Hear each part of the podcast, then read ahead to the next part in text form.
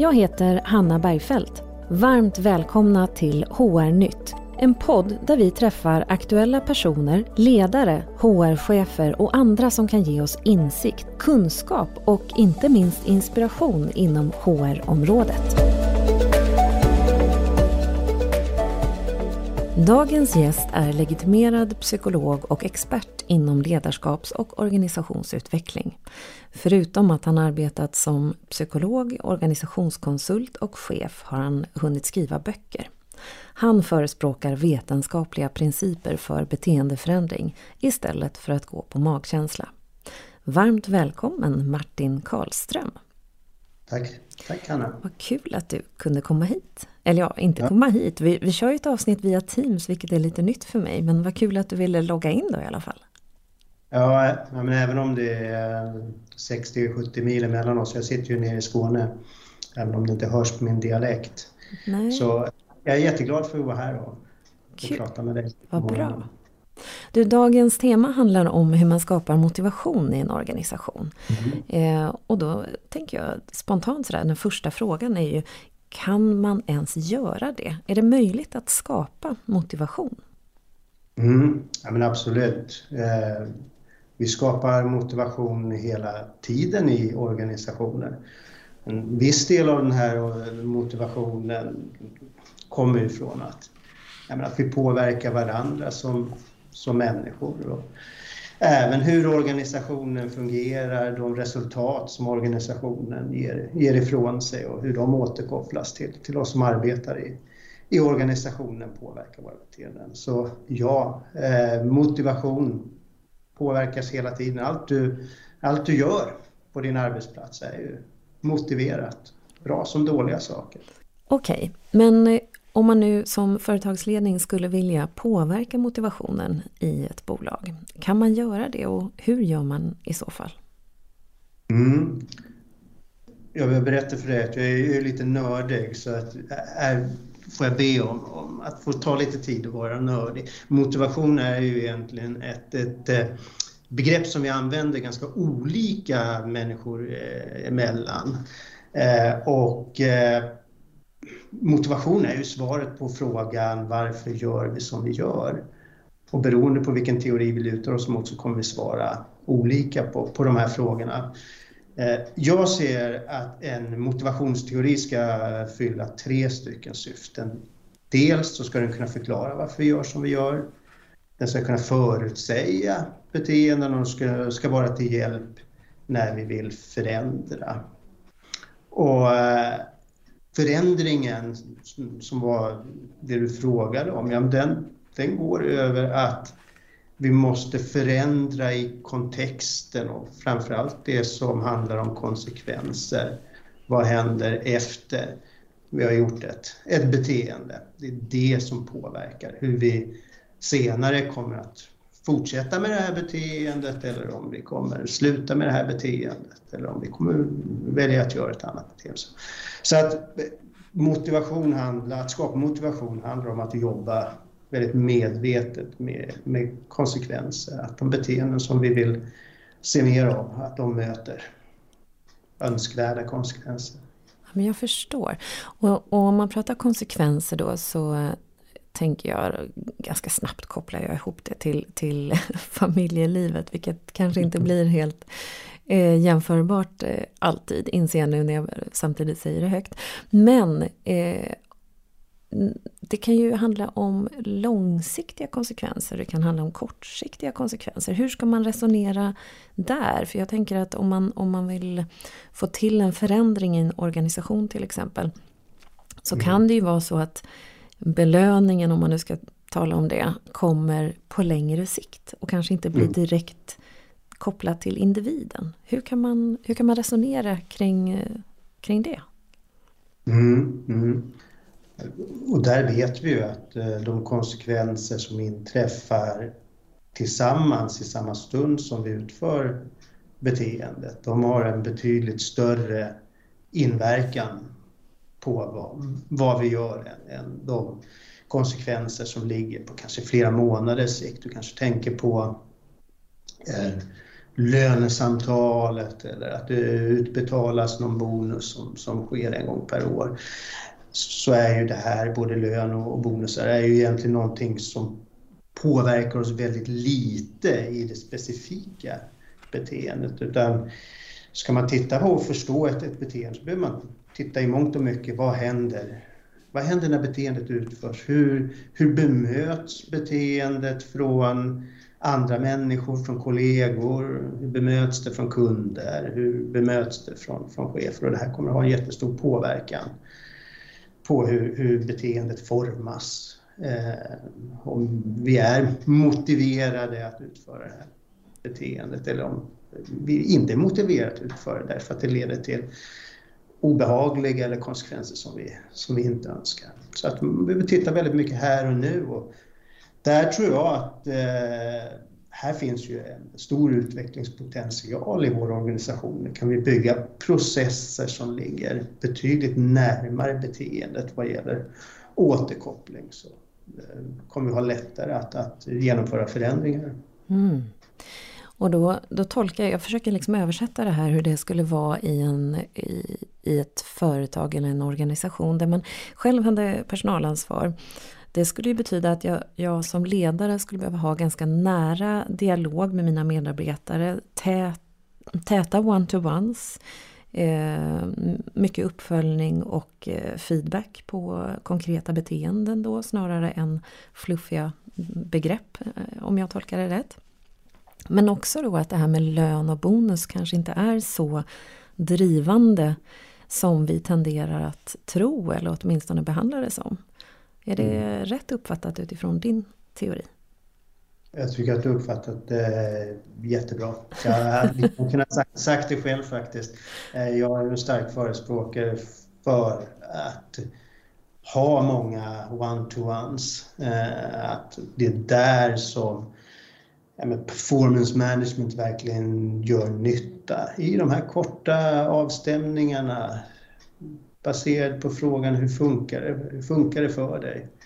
Där det finns möjlighet som chef att bilda sig en uppfattning. Hur, hur, hur, hur går det för medarbetaren? Och att kunna ge feedback på det.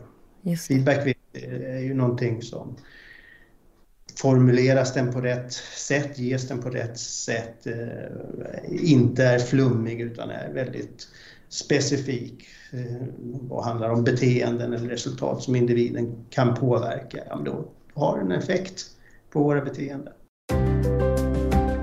Det här avsnittet sponsras av Sympa som hjälper företag att bygga en starkare organisation med deras heltäckande system för HR och masterdata. Det är designat för individen och format efter organisationen. Med mig här idag har jag Sympas Sverigechef Mikael Abrahamsson som är här för att berätta om varför det är viktigt att jobba datadrivet med HR. Så Micke, varför är det viktigt? Jo, men det är en av de sakerna som HR-team kämpar mest med. Eh, det finns så många saker som stjäl tid. Eh, samtidigt så är det otroligt viktigt att ha koll på din data för att kunna fatta bra beslut. Vad är det som tar tid menar du? Ja, men ta till exempel vår kund Saint-Gobain Distribution i Danmark. De brukade lägga en och en halv månad på lönerevision helt i onödan. När de implementerade Sympa så kunde de minska den tiden till bara några timmar. På samma sätt så är det många som kämpar med att ha tillgång till uppdaterad information om sina medarbetare. Det kan vara saker som låter självklara men som är supersvåra i praktiken utan bra systemstöd.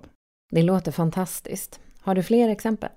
Ja, vi har en kund, eh, AdSecure. De växte från 300 till 1000 medarbetare på väldigt kort tid. Ytterligare en utmaning var att de satt utspridda i 16 länder. Med hjälp av vårt HR-system så upplever de att de har fått större kontroll över vilka som faktiskt jobbar hos dem globalt, både anställda och konsulter, men också att de har fått en starkare koppling till hela organisationen. Det låter ju bra, men vad är det för data man behöver hålla koll på egentligen? Ja, men dels en så enkel sak som vilka som faktiskt är anställda och var de finns. Och när man sen har bra och uppdaterade uppgifter så finns det ju oändliga möjligheter att identifiera viktiga KPI-er.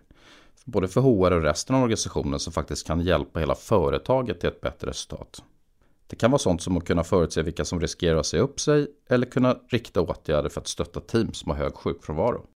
Intressant. Hur gör man om man vill veta mer? Ja, men då kan du gå in på vår hemsida sympa.se. Där kan du läsa mer, men du kan också boka en demo för att få se hur systemet fungerar. Tack. Men du, jag hörde, hörde någon som pratade om att feedback också kan skapa en form av förväntansångest hos medarbetaren så man hamnar i en typ av försvar och därför att feedback inte alltid är så positivt som, som man kanske tror. Är det något som du har reflekterat över också eller hur, hur går dina tankar kring det?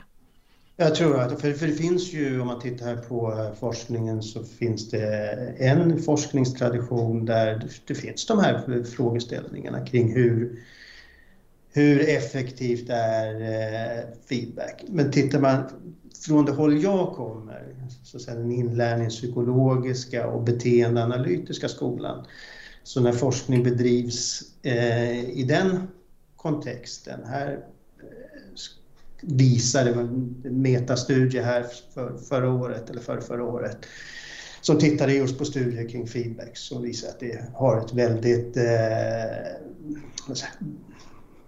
tydlig koppling till prestation. Mm. Men, men det gäller att formulera feedback på rätt sätt. Det måste handla om, om beteenden alternativt resultat som kan påverkas av individens eh, ansträngningar. Och här kan det bli problem, börjar ju feedback på ett resultat som individen inte har fullständig kontroll över att, att påverka.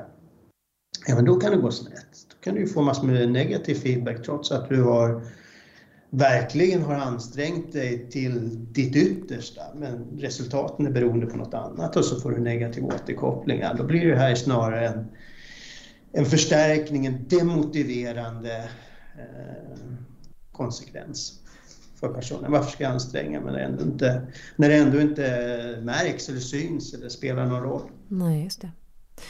Och det förstår jag verkligen. Eh, så feedback måste vara kopplat till konkreta beteenden eller de ansträngningar som man har gjort åt, åt rätt håll så att säga. Och det måste vara väldigt konkret och specifikt. Ehm, Ser du att det finns någon feedbackmodell som är mer bra att använda? Eller jag tycker ofta att man får frågor från, från ledare, så här, vilken feedbackmodell ska vi använda? Och jag vet att det, det används den där hamburgermetoden eh, har ju cirkulerat lite. Jag, jag brukar dra såna där eh, dåliga exempel om hur man kan använda den på ett riktigt dåligt sätt. Men, men finns det någon som du förespråkar som faktiskt skulle vara bra att använda? Hamburgare är gott, men håll det till, till dina matvanor. Låt det inte spilla över i, i hur du ger feedback för att det är dålig modell för att ge feedback.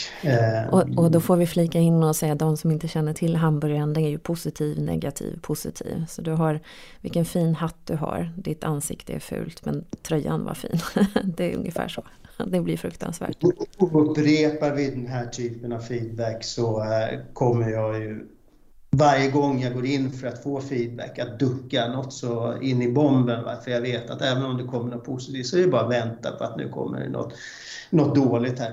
Och vad vi gör då det är att vi skitar ner, ursäkta språket, feedback-situationen. Så att den här eh, bekräftande feedbacken, att den, den går förlorad. Den går bara in genom ena örat ut genom andra. Vad som blir kvar är ju den, den kritik som du har fått. Så att eh, en, en modell är faktiskt att skilja väldigt tydligt på när du ska ge korrigerande eh, feedback, att du gör det vid ett tillfälle, att du tar då ett, ett längre samtal kring det där du också ger din, din medarbetare möjlighet att lägga ut texten kring ja, men vad, är, vad är bakgrunden till att, eh, till att det, det, ser ut så här, att jag har gjort på det här sättet eller att jag inte når de här resultaten. Det finns ju oftast förklaringar till, till det här. Mm. Det är ju klokt. Och att man håller, att man håller den, den positiva feedbacken ren från, från negativ feedback och bygger den på bekräftelse. Att identifiera bra beteenden och bekräfta de beteendena. Sätta ord på att du som chef faktiskt har, har sett det här eller tagit till dig av att personen har, har gjort den här ansträngningen. Men om man säger då att eh, man ska ge korrigerande feedback vid ett tillfälle och mer positiv förstärkning om man pratar i de termerna vid ett annat tillfälle. Finns det någonting som eh, gäller generellt? Finns det någonting som påverkar motivation i större utsträckning? Alltså blir man mer motiverad att eh, eh, anstränga sig ytterligare om man får korrigerande feedback? Eller är det snarare den andra delen, mer positiva förstärkning som ger större effekt? Eller kan det vara så att det skiljer sig mellan individer? Vad skulle du säga? Men det här, här skulle jag säga att generellt så är det så att bekräftande feedback, att du faktiskt blir uppmärksammad för bra beteenden, önskvärda beteenden, det har en betydligt mer långsiktig effekt och det kommer också ha en påverkan på sådana här, att anstränga sig lite extra, kreativa beteenden. Eh, därför att du, du, du har en, en, en långsiktig eh, motivation då när, när du vet att ja, gör jag bra saker så kommer jag få, få reda på det. Mm. Jag behöver inte oroa mig för, för att det blir fel ibland eller att jag misslyckas i, ibland utan att det, det vägs upp av en större mängd bekräftande feedback. Vad vi märker eh, när vi ser chefer som använder sig väldigt mycket av korrigerande feedback som kombinerar det här med mer Eh, vad ska man säga, eh, låt säga en hotfull kommunikation. Om du inte uppnår det här så kommer, kommer det här att, att hända. Va? Vad man kan se där det är att eh, beteendets motivation når en eh, takeffekt. Mm -hmm. Att, eh, när du når den nivå där du slipper den här negativa feedbacken, kritiken, då är du inte längre motiverad att fortsätta med beteende. Då har du klarat dig. Aha. Ja, men det är, ju, det är ju ganska hemskt om man tänker efter. Så att då, kommer, då kommer prestationerna fortsätta att ligga på den här minsta motståndets lag och vad som får mig att undvika bestraffningen. Sen så, eh, jag menar, det måste alltid finnas liksom båda delarna i en, i en organisation. Vi måste dels kunna bekräfta jättemycket bra beteende, men vi måste också kunna prata om när det blir fel. Just det. När, vi måste kunna ha en, en återkoppling och vi måste också kunna ha stoppbockar, brukar jag prata om, i organisationen för ociviliserade beteenden. Mm. De eh, kan vi inte alltid få bort bara genom att bekräfta bra beteenden. Någon mobbar någon, trakasserar någon, är generellt taskig mot någon så måste vi också kunna sätta upp stoppbockar där vi säger det här är inte okej. Okay. Verkligen. Det här, det här går inte i, i vår organisation. För tillåter vi det och säger inte ifrån, ja men då har vi samtidigt förstärkt det här ociviliserade beteendet i organisationen. Så här är en jätteviktig del, att man som chef faktiskt har tillgång till båda delarna. Sen ska i, eh, i normalfallet så, så strävar vi mot fem gånger så mycket kärlek eh, som, som kritik och korrigerande. Nu använder jag Martin Forster, psykolog. Fantastisk kollegas. Eh, bok, om någon vill läsa den har han skrivit också. Mm. Och du var inne på det här med föräldraskapet här. Mm. Här innan också föräldraskap och ledarskap har många, många saker gemensamt med varandra. Mm. Man, kan, man kan nästan tänka att man ska ha insättning på kontot för att kunna göra uttag. Det tycker jag är en bra liknelse. Jättebra liknelse. Men, men eh, om man tänker så, eh, jag, jag förstår vad du, vad du menar, så, där, så ser jag liksom verkligheten då för många chefer och ledare. Hur, hur ska man göra i praktiken om man har ett stort team eller en, en stor organisation eller man kanske till, till och med leder på distans. Nu bara bollar jag upp massa olika problem men som jag tror är många ledares eh, verklighet idag. Um, hur ser du på det och, och, de bolag som du möter kanske? Har du några sådana bästa exempel som du kan dela med dig av? Hur, hur gör man i, i de lägena? Mm. Ja, men jag, jag, jag ser ju att, att ofta så är ju inte utbildning av chefer i feedback tillräcklig för att i den organisatoriska miljön som de ska tillbaka till efter att de har varit på, på utbildning eller handledning hos mig, den är inte tillräcklig för att de ska kunna praktisera den här färdigheten. Här behöver man titta jättemycket på eh, de organisatoriska förutsättningarna. Du var inne här på hur många medarbetare man har. Man, vad har man för kontrollspann som det så fint heter. Jag menar, har du 50, 60, 70 medarbetare som man kan stöta på i, i vissa organisationer, då är det ju jättesvårt att, att jobba aktivt med en-till-en-möten med var och en här och att, att ge feedback. Så det är ju en, det är en förutsättning som jag... Det är ju det är en stor strukturell fråga i, i samhället. Hur, hur många medarbetare ska en chef ha? Så det är ju en sak att titta på det. Sen brukar jag eh, rekommendera att men har inte det, de behöver inte vara så långa de här feedback-sessionerna. Ibland styrs vi onödigt mycket av eh, Outlook-kalender. Det ska bokas in och så har vi minst så måste det här ta en halvtimme för att, för att vi inte ska behöva hålla på och klydda i Outlook-kalendern.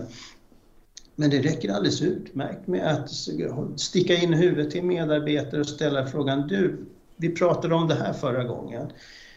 Hur funkar det för dig nu? Och så får man med några öppna frågor hjälp att faktiskt bilda sin uppfattning som chef. Hur klarar sig med medarbetare? Och att ge, ge feedback på det, det man, det man hör. Det behöver inte ta mer än 3, 4, 5 minuter. Så att eh, eh, det har varit en viktig del också i färdighetsträningen, att träna chefer i att bli lite mer kort, kortfattade i det här. Därmed inte sagt att alla möten ska ta tre minuter utan man kan behöva längre möten också ibland. Men... Det, och det, det som jag gillar i det du säger, det var ju dels om vi ska prova en liten delsummering, det var ju att faktiskt bryta upp det på eh, två olika tillfällen om man till exempel ger eh, korrigerande feedback eller om man ger en mer eh, positiv eh, feedback. Eh, så mm. det, det, var ju ett superbra exempel som, som jag i alla fall inte har jobbat utifrån. Så det, det skulle vara värt att testa.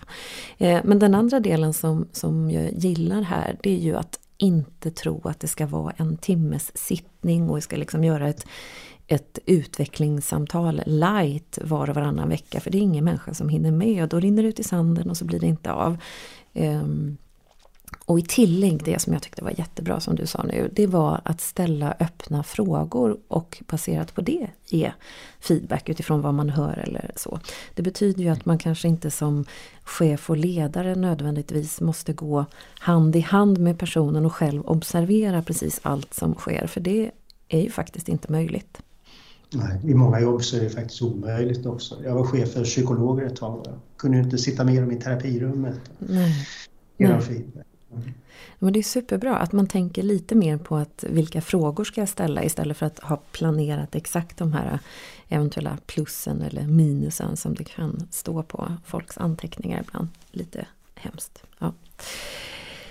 Ja men superbra. Men, men du, vi tillbaka till det här med motivation tänker jag. För du var ju inne på det här med lön och bonus. Det driver inte motivation på, på samma sätt som man kanske skulle vilja. Eh, har du mött bolag som har gjort om den strukturen och har ett annat sätt? Om det kanske är kortsiktigare bonusar eller jobbar man inte med den typen av incitament? Finns det något sådär som du kan dela med dig av lite best practice utifrån vad som faktiskt också påverkar motivationen? Men jag tycker de, de bästa exemplen är ju kopplade till det vi precis har beskrivit kring, kring feedback. Att få in jag brukar prata om en-till-en-samtal som det sättet som vi utvecklar personer på, för det här företaget. Och att det här är någonting som alla chefer i organisationen förväntas sysselsätta sig med. Så att första linjens chefer förväntar ha ett ensamtal med andra linjens chefer som har samtal med tredje linjen hela vägen upp till direktören eller, eller VD. Och att eh, man behöver hitta ett språk också. Och här är det just att benämna samtalen som en-till-en-samtal. För då går det också att fråga, har du, hur har det gått med dina en-till-en-samtal? Har du hållit i dina en-till-en-samtal? Hur funkar det med, med det? Så att det blir möjligt att, att följa upp där. Eh, så det tror jag, att, eh, och det ser jag också att de, de, organisationer som jag arbetar med som har anammat det här och får det att funka i flera, flera år, inte bara att man får till det i någon månad utan att vi pratar sju, åtta års tid.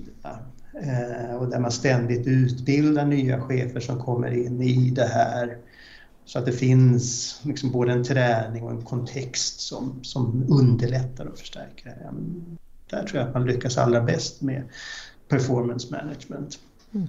Sen så vet vi att även om, om bonus eh, inte påverkar det unika beteendet i situationen så visst har bonusen påverkan och en, en väl formulerad bonus kan absolut eh, ha en påverkan på önskvärda beteenden. Men vi är inte alltid alldeles säkra på vilka beteenden är det som påverkas. Och det, är, det är utmaning med de här långsamma konsekvenserna. En bonus kan ju faktiskt man nå upp till genom att kanske bete sig ociviliserat. Man kanske kan nå dit genom att hoppa över, runda några hörn, hoppa över lite administration och dokumentation. Eh, så, så att man ska vara medveten om, sätter vi ut en, en bonus så kommer det att förstärka de beteenden som leder fram till att bonusen uppnås, bra som, bra som dåliga beteenden. Mm. Så jag vill, jag vill, inte kasta ut bonusen med, med badvattnet. Det finns många som, som lyckas, lyckas bra med, med liksom den här typen av belöningar också. Just det. Och, nej men det var väl tur att du förtydligade det, annars hade, hade vi kanske gjort det allihop. För det, är ju, det hade ju, nej det, det är kul med bonus också. Och framförallt så tänker jag att det, det kanske påverkar om människor väljer att stanna hos en arbetsgivare. Om jag har två likvärdiga så, så tror jag nog att det har en påverkan. Även om det inte påverkar möjligtvis eh, enskilda beteenden som du säger. Möjligtvis att det till och med går åt fel håll. Mm. Nej, man brukar väl prata om hygienfaktorer också i organisationen. Att eh, omständigheter, skulle inte de här omständigheterna finnas så hade vi inte gått till arbetet. Hade någon helt plötsligt sagt åt mig, nej men från och med idag får du ingen lön, idag får du leva på din egen inspiration. Ja, det har tagit många dagar innan... innan inspirationen dog. ja, precis. Innan de här ångorna av inspiration dunstade bort. Nej, men så, så, är det. Och jag tänker på det här som du sa med one-to-one eller en-till-en som, som du kallar det. Det är ju, eh, tänker jag, dels att man får möjlighet att få feedback och eh, korrigerande beteenden eh, som en konsekvens förhoppningsvis. Men jag tänker också att det måste vara någonting positivt i att man blir sedd av sin chef. Jag är väldigt fokuserad på det här att, att ledare måste eller medarbetare behöver känna sig sedda av sin ledare för att bara få den där uppmärksamheten och känna att det som jag gör har betydelse. Det måste ju också fylla ett syfte, tänker jag, i, i de där en-till-en-samtalen. Absolut. Och jag brukar prata om bekräftelse istället för belöning eller beröm, att bekräftelsen är viktig. Att faktiskt visa att du ser medarbetaren, att du ser medarbetarens ansträngningar. Mm. Att det är oerhört, oerhört viktigt för hur vi mår på arbetsplatsen. Just det. Mm. Sen en, en, sak som dyker upp i huvudet eh, nu kring de här NTN-samtalen, det är att det är en möjlighet också att som chef få en uppfattning om vad det är som gör att det funkar eller att det inte funkar bra och kunna lyfta omständigheter eller förutsättningar som försvårar för medarbetarna att göra ett bra jobb. Så att stå i kontakt också med de organisatoriska förutsättningarna kring, kring prestation. Mm. Det blir svårt om man inte har den, den dagliga kontakten att förstå hur, hur ser medarbetarens arbetssituation ut. Precis. Det, det tycker jag är jättebra. Och jag, jag brukar även förespråka att man faktiskt kan ta in en liten gnutta av hur är livet i övrigt. Om, om det är så att eh, man lever ensam med katten och katten just nu är sjuk. Det var ett, ett jättedåligt exempel men för att inte klampa på någons tår. Eh, så kan det vara bra att känna till det. Att det kanske påverkar min motivation eller, eller prestation åtminstone på, på jobbet. Mm. Mm. Utan att man behöver gå in och kleta i allt det privata. Det behöver man inte heller kanske alltid göra. Men det kan vara bra att känna till lite vad som pågår hos en människa. Som faktiskt mm. finns 24 timmar, inte bara 8 timmar om dagen. Mm. Mm. Nej men vad, vad bra Martin. Vet du vad jag tänker på mer? Vi pratade om det här med motivation, vi pratade om performance management och eh, du ville inte skicka ut bonusen med badvattnet. Eh, men, men jag tänker att nu när vi spelar in så är det en tid då eh, många bolag inom kort, eller om de redan är där, kommer gå in i lönerevision. Mm. Eh, lönerevisionens, eller processen för lönerevision kan ju se ut väldigt olika på olika bolag. Eh, men det är inte ovanligt tycker jag att man hör att eh, medarbetare säger att ja, men du tyckte ju att allt jag gjorde var så bra i det här utvecklingssamtalet och nu, nu får jag 1,8% i, i lön. Vad skulle du säga om lönens påverkan för motivation och har det betydelse eller, eller är det så att det är bara en liten det, det, kan ju, det kan ju ha en påverkan, ja, men vi pratade ju innan där, jag får återkomma till det kring hygienfaktorer. Eh, där är vi, är vi missnöjda med, med lönen. Är det så att vi ser att andra personer som gör samma arbete och når samma resultat som får bättre lön så, så är det här liksom en omständighet som självfallet kan påverka och framförallt kan påverka om jag vill vara kvar på bolaget eller inte. Eller någonting som kan starta upp en beteendeprocess där jag faktiskt börjar leta efter andra jobb och börjar ta kontakt med rekryterare för att hitta, hitta nya jobb. Men vi ska, vara, vi ska vara väldigt medvetna om att i och med att inte lönen, lönen varierar ju inte med hur vi beter oss under eh, dagarna utan den blir ju som en, en, sammanslagning av en generell upplevelse av hur medarbetarna klarat sig i förhållande till sina mål. Så att den har inte påverkan på det särskilda beteendet. Den får dig inte till att eh, läsa rapporter noggrannare eller skyffla dina papper snabbare åt, åt ett eller annat håll. Det kan man tänka på. Mm. Kjell Höglund här. Ja. Som skyfflar papper, jag förstår. Drar i sina spakar. Ja. Nej, nej, men jag förstår, man kanske inte skyfflar papper snabbare, men om man då upplever att man är värd 10% löneökning och får 1,8, kommer man då skyffla långsammare med flit?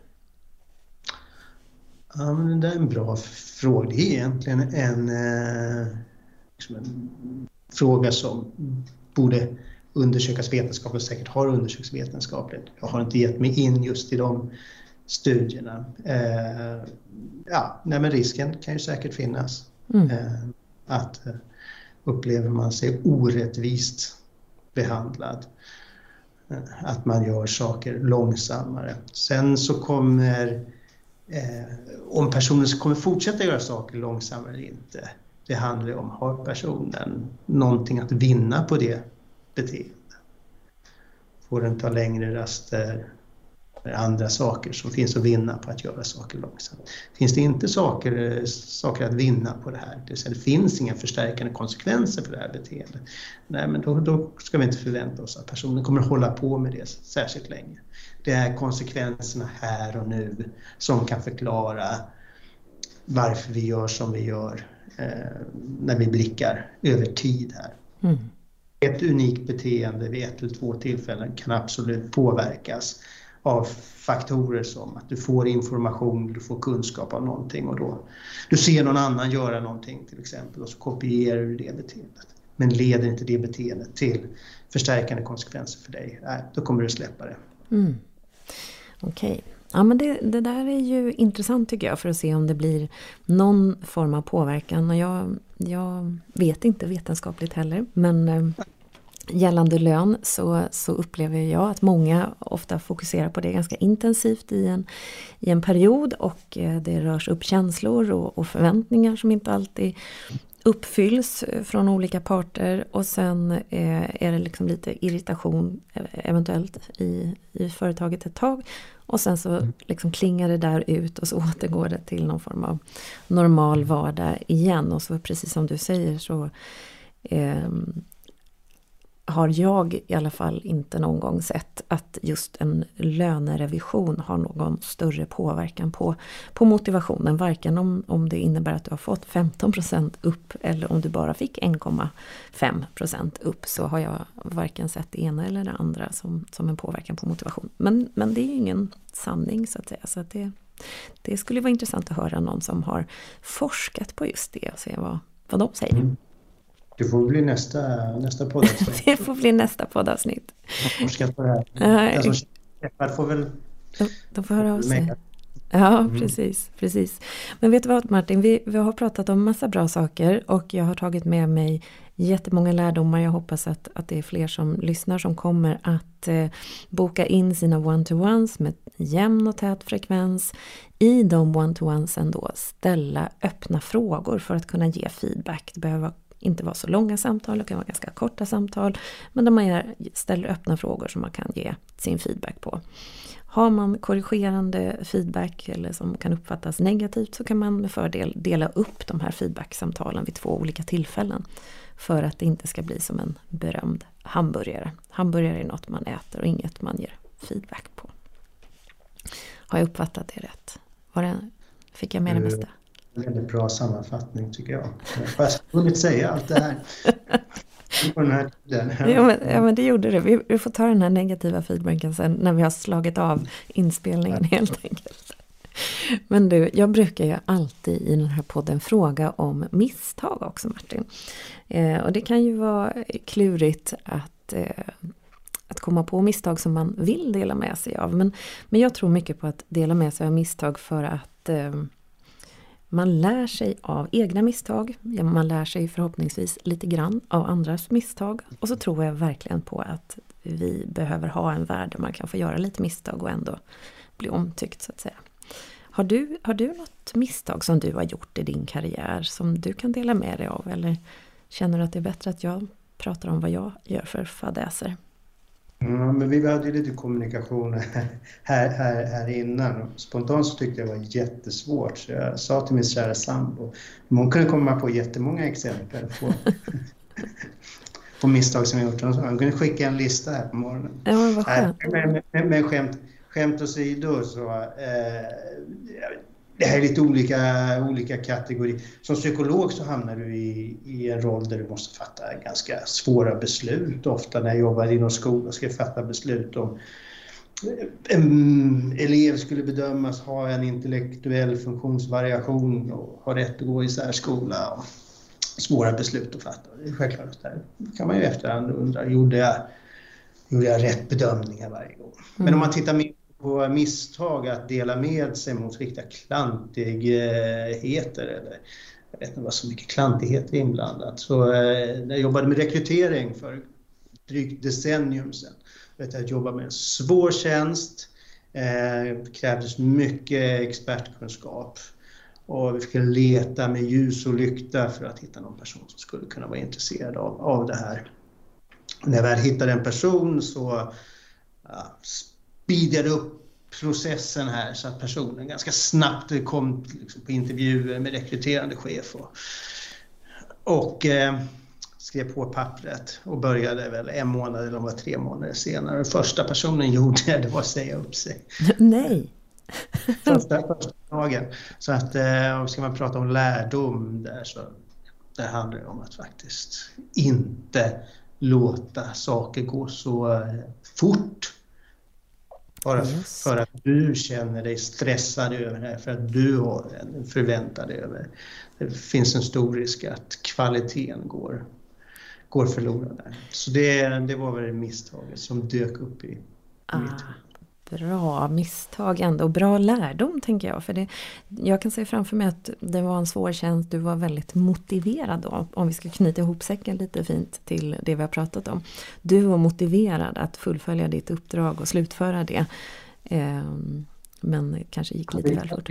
Av den, här, av den här som vi kallar för ehm, negativt eh, förstärkt mm. motivation. Sätter jag inte den här Ja, det förväntas av mig. Jag har en rekryterande chef som står och trummar med fingrarna och undrar varför ingenting händer. Det handlar om det arvode jag kan ta ut där. Så att det var ju en hel del negativa konsekvenser kopplade till att inte nå det här mm. resultatet. Mm. Som det, du nu undvek, en liten stund i alla fall. Tills, ja, tills du fick tillbaka uppdraget igen eller? Ja, precis. Jag, jag tror inte jag fick uppdraget till. Det gick nog till någon annan.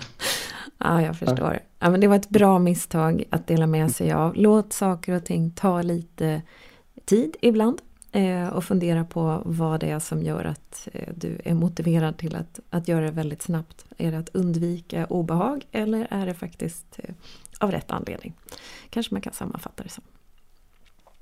Bra Martin! Du, det går fort när man har kul. Jag är jättetacksam för att du har varit med i det här poddavsnittet och eh, tar med mig en massa lärdomar från dina insikter och eh, tips. Så tusen tack för det! Tack själv Tack för ett trevligt samtal!